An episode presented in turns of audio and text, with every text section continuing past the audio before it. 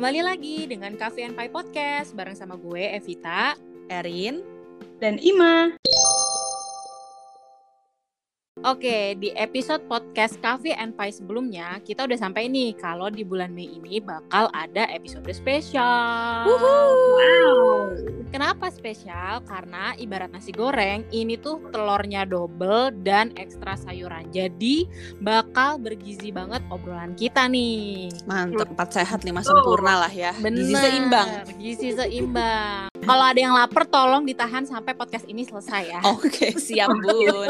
maksa agak-agak maksa emang orangnya ya jadi seperti yang kita tahu nih ya kalau kaum millennials lagi pada concern banget sama yang namanya menabung investasi dan sejenisnya gitu deh Nah, ngomong-ngomong soal investasi, ada banyak banget nih ragamnya. Salah satu bentuknya adalah dengan memiliki aset, yaitu membeli rumah dan atau kendaraan nih.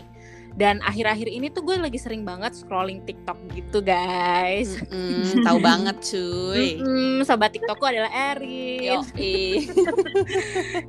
Dan di FYP gue tuh yang sering banget muncul adalah show display rumah kekinian. Yang itu tuh cocok banget buat para millennials. Jadi bikin pengen banget punya rumah gitu. Terus gara-gara itu tuh gue jadi sering kepikiran gitu kan.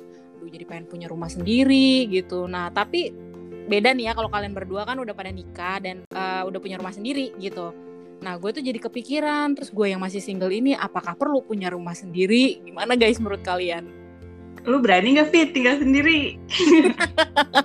Hantu adalah sahabatku jadi gue nggak takut lagi tinggal sendirian. best camp ya. Mm-mm, kelaman sendiri jadi hantu udah jadi temen gue gitu. Udah terlalu lama sendiri nyaman kayaknya lu jadinya. Mm-mm, nyaman sampai temen sama hantu tuh gue. Aduh, tapi emang bener banget sih ya di FYP TikTok tuh racun semua isinya karena di gue pun juga muncul tuh rumah eh, yang estetik dan instagramable itu. Tapi ya sebenarnya fit perlu atau enggaknya itu tergantung sama kemampuan masing-masing juga.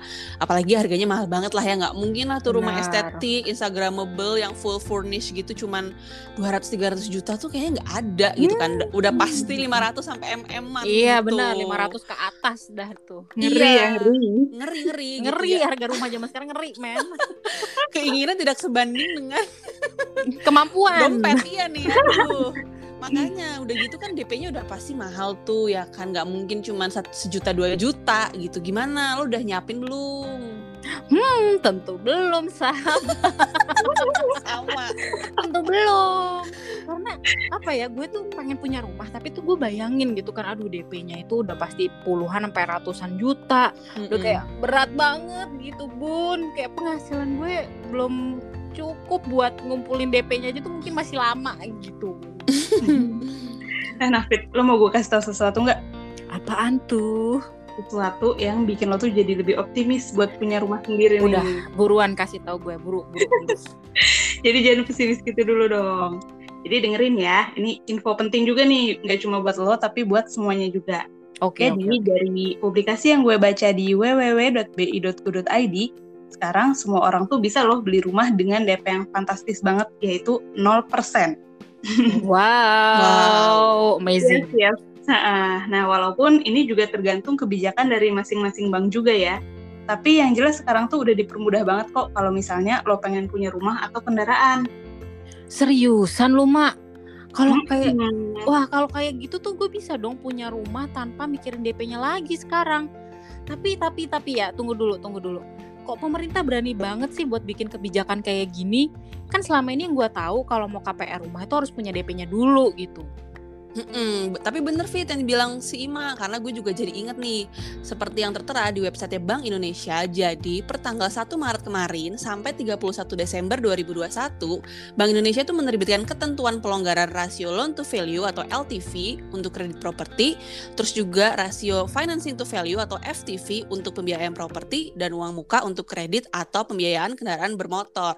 Yang mana itu artinya seluruh kebutuhan dana dalam memperoleh kredit properti atau kendaraan kendaraan bermotor itu tuh ditanggung sama bank.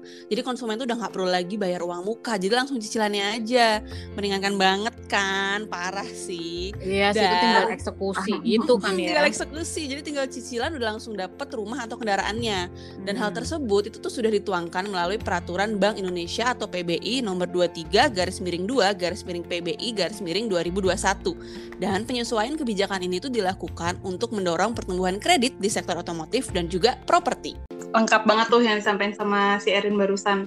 Dan sejalan juga nih Rin sama yang gue baca-baca di berita-berita di CNBC kalau misalnya kebijakan tentang LTV dan FTV yang mana kebijakan ini tuh merupakan salah satu dari instrumen kebijakan makroprudensial dilakukan karena selama pandemi ini keadaan perekonomian Indonesia kan sempat yang down banget gitu kan. Iya. mm-mm. Heeh. Nah, dan sekarang tuh kita lagi di tahap pemulihan. Sehingga dinilai perlu adanya stimulus tambahan agar pemulihan ekonomi Indonesia lebih cepat nih prosesnya. Dan yang pastinya, kebijakan yang dibuat oleh Bank Indonesia itu tetap memperhatikan prinsip kehati-hatian dan manajemen resiko ya. Jadi tentu nggak bakal asal-asalan lah kalau misalnya udah sampai bikin kebijakan kayak gini. Hmm, oke oke oke. Tapi pertanyaan selanjutnya nih dari gue ya. Kebijakan makroprudensial itu apaan sih? Nah, jadi gini Fit, secara simpelnya aja ya, bahasa sederhananya, Kebijakan makroprudensial itu adalah kebijakan yang dilakukan oleh bank sentral, yaitu kalau di kita ya berarti Bank Indonesia, yang bertujuan untuk memelihara stabilitas sistem keuangan secara keseluruhan. Oke oke oke paham nih gue sekarang. Tapi pertanyaan selanjutnya nih, apa hubungannya antara kebijakan makroprudensial yang LTV dan FTV sama stabilitas keuangan ya? Apa dengan semakin banyak orang yang mengajukan KPR dan atau kredit kendaraan, eh, itu berarti bisa membantu stabilitas keuangan negara gitu? Iya, sebener banget Fit tuh lo udah dapet banget tuh poinnya. Karena kan sebenarnya semuanya ini saling berkaitan kan satu sama lain dan lo kan juga bertanya-tanya kenapa sih BI itu sampai segitunya banget sih ngelonggarin berbagai ketentuan tersebut gitu kan. Hmm. Itu tuh karena BI itu ingin mendorong pertumbuhan ekonomi serta mengembalikan stabilitas sistem keuangan Indonesia. Karena kan ya seperti yang kita tahu ya biasanya nih untuk para crazy rich Jakarta gitu kan macam keluarga Siska Kol ya kan yang nasi goreng aja 200 juta. gitu. Mm-mm, duitnya gepok-gepok gitu kan. Aduh, Hmm. sampai ya Allah sampai dibikin konten itu kan berarti dia berlebihan dana gitu kan sebenarnya. Benar. Nah, iya dan biasanya memang sebagian dananya kan ditempatkan di bank tuh. Terus bagi yang kekurangan dan juga membutuhkan pembiayaan macam kita-kita gitu kan. Sobat miskin. iya. Kita tuh jadi bisa gitu loh meminjam dalam eh, sistem keuangan melalui salah satu instrumennya yaitu bank tadi. Jadi makanya di situlah perputaran uang terjadi yang mana inilah yang akan berkontribusi ke stabilitas sistem keuangan. Makanya pertumbuhan kredit ini penting banget. Dan kita itu harus peduli dan juga turut andil dalam membantu menjaga stabilitas sistem keuangan Indonesia ini karena kita nggak mau kan krisis tahun 98 ataupun tahun 2008 itu kejadian lagi. Karena Ya, yang gue iya serem, serem banget kan kayak nggak enak lah gitu. Karena yang gue baca dari artikel di CNBC juga kondisi keuangan Indonesia ketika ada virus corona di 2020 kan cukup terpuruk ya gitu. Dan nggak cuma Indonesia aja seluruh negara di dunia tuh kena dampaknya juga gitu loh. Dan semua sektor tuh terkena dampak langsung. Makanya Bank Indonesia ini berusaha seoptimal mungkin untuk mengembalikan stabilitas sistem keuangan kita supaya nggak jadi krisis melalui kebijakan makroprudensialnya gitu Fit. Oh gitu Rin, wah gue jadi nambah pengetahuan banget nih. Nah ternyata dengan kita mengajukan kredit kendaraan atau rumah itu bisa membantu perekonomian negara untuk bangkit lagi ya, apalagi di masa krisis pandemi kayak gini. Betul Jadi- betul. Jadi makin tertarik nih gue buat kredit gitu. Tapi syarat-syaratnya tuh apa ya supaya bisa ngajuin kredit rumah atau kendaraan dengan DP 0% ini? Nah, ini nih kerennya kebijakan si LTV dan FTV ini. Nggak ada syarat macam-macamnya cuy. Wow. Amazing banget? Wow. Nah, jadi semua orang tuh bisa ngajuin kredit dengan DP 0% ini. Mau lo beli rumah tapak, mau beli ruko, rumah susun, terus rumah dengan berbagai macam tipe ya, tipe 21, tipe 45, tipe berapapun lah ya yang lo pengen. Bahkan lo beli apartemen dengan DP 0% juga bisa lo fit. Nah, Wah. di situ uh-uh, misalnya oke, lo mau beli rumah pertama, terus tadi si Erin pengen beli rumah kedua juga nih gitu kan, Mm-mm. atau enggak rumah ketiga juga bisa banget nih ngajuin DP 0% ini. Biarpun nggak ada syarat khususnya, tapi tetap ada catatannya nih guys. Semua orang tuh bisa ngajuin untuk DP 0% ini. Tapi nanti bank yang akan memutuskan apakah orang tersebut bisa dapat atau enggak nih kredit dengan DP 0%-nya itu. Semuanya dilihat dari profil dan histori kredit orang yang mengajukan DP 0% tadi. Oh iya, untuk kendaraan bermotor, yang bisa diajukan untuk dapat DP 0% itu adalah semua jenis kendaraan bermotor ya, termasuk yang berwawasan lingkungan. Wah, yang kayak gimana kendaraan bermotor yang berwawasan lingkungan? Nah, kalau ini gue tahu nih Rin. Jadi Oke. akhirnya gantiin gue nih yang tahu. Jadi gue pernah baca juga di CNBC, kendaraan bermotor yang berwawasan lingkungan itu adalah jenis kendaraan bermotor yang menggunakan listrik berbasis baterai, sebagaimana juga dimaksud dalam ketentuan Perpres nomor 55 tahun 2019 yang mengatur mengenai percepatan program kendaraan bermotor listrik atau yang biasa disingkat dengan KBL berbasis baterai, battery electric vehicle untuk transportasi jalan dan di Indonesia sendiri KBL berbasis baterai ini ada dua macam nih yaitu teknologi hybrid dan memakai baterai penuh gitu Rin. Oh iya iya I see I see. Berarti bukan cuma family car atau motor biasa ya yang DP-nya tuh bisa 0%. Berarti gue beli Tesla bisa dong ya. Tanpa Bisa DP loh. dong. Harusnya bisa gitu. Iya nih mudah-mudahan. Incerannya. langsung, langsung pikirannya Tesla. Abis soalnya muncul mulu kan di TikTok juga gitu. Orang pamer Teslanya dia gitu kayak aduh kok mupeng gitu kan. Mm-mm. Semoga-moga buruan masuk lah ya sebelum 31 Desember. Amin. amin. By the way, jadi gimana nih Fit menurut lo? Keren kan kebijakannya? Wah asli ini gokil banget sih kebijakan-kebijakannya dan cocok banget buat kita para milenial nih. Jadi sekarang nggak perlu lagi tuh yang namanya nyiapin DP dulu puluhan sampai ratusan juta buat beli kendaraan bermotor ataupun rumah. Nah tapi pertanyaan selanjutnya adalah sebenarnya menurut kalian gimana sih? Apakah kebijakan ini beneran aplikatif nggak sih buat masyarakat kayak kita? Maksud gue kayak masih amazing aja Bank Indonesia bisa bikin kebijakan yang sewow ini guys.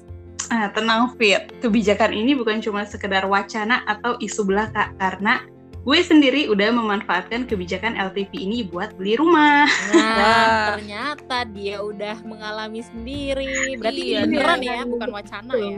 Mm-mm, dan beneran loh, gue tuh sama sekali nggak bayar uang DP alias DP-nya DP-nya 0%. Jadi buat kalian yang masih ragu-ragu kebijakan LTV dan FTV ini beneran bisa diajukan atau enggak, beneran ya guys, karena gue udah membuktikannya sendiri nih.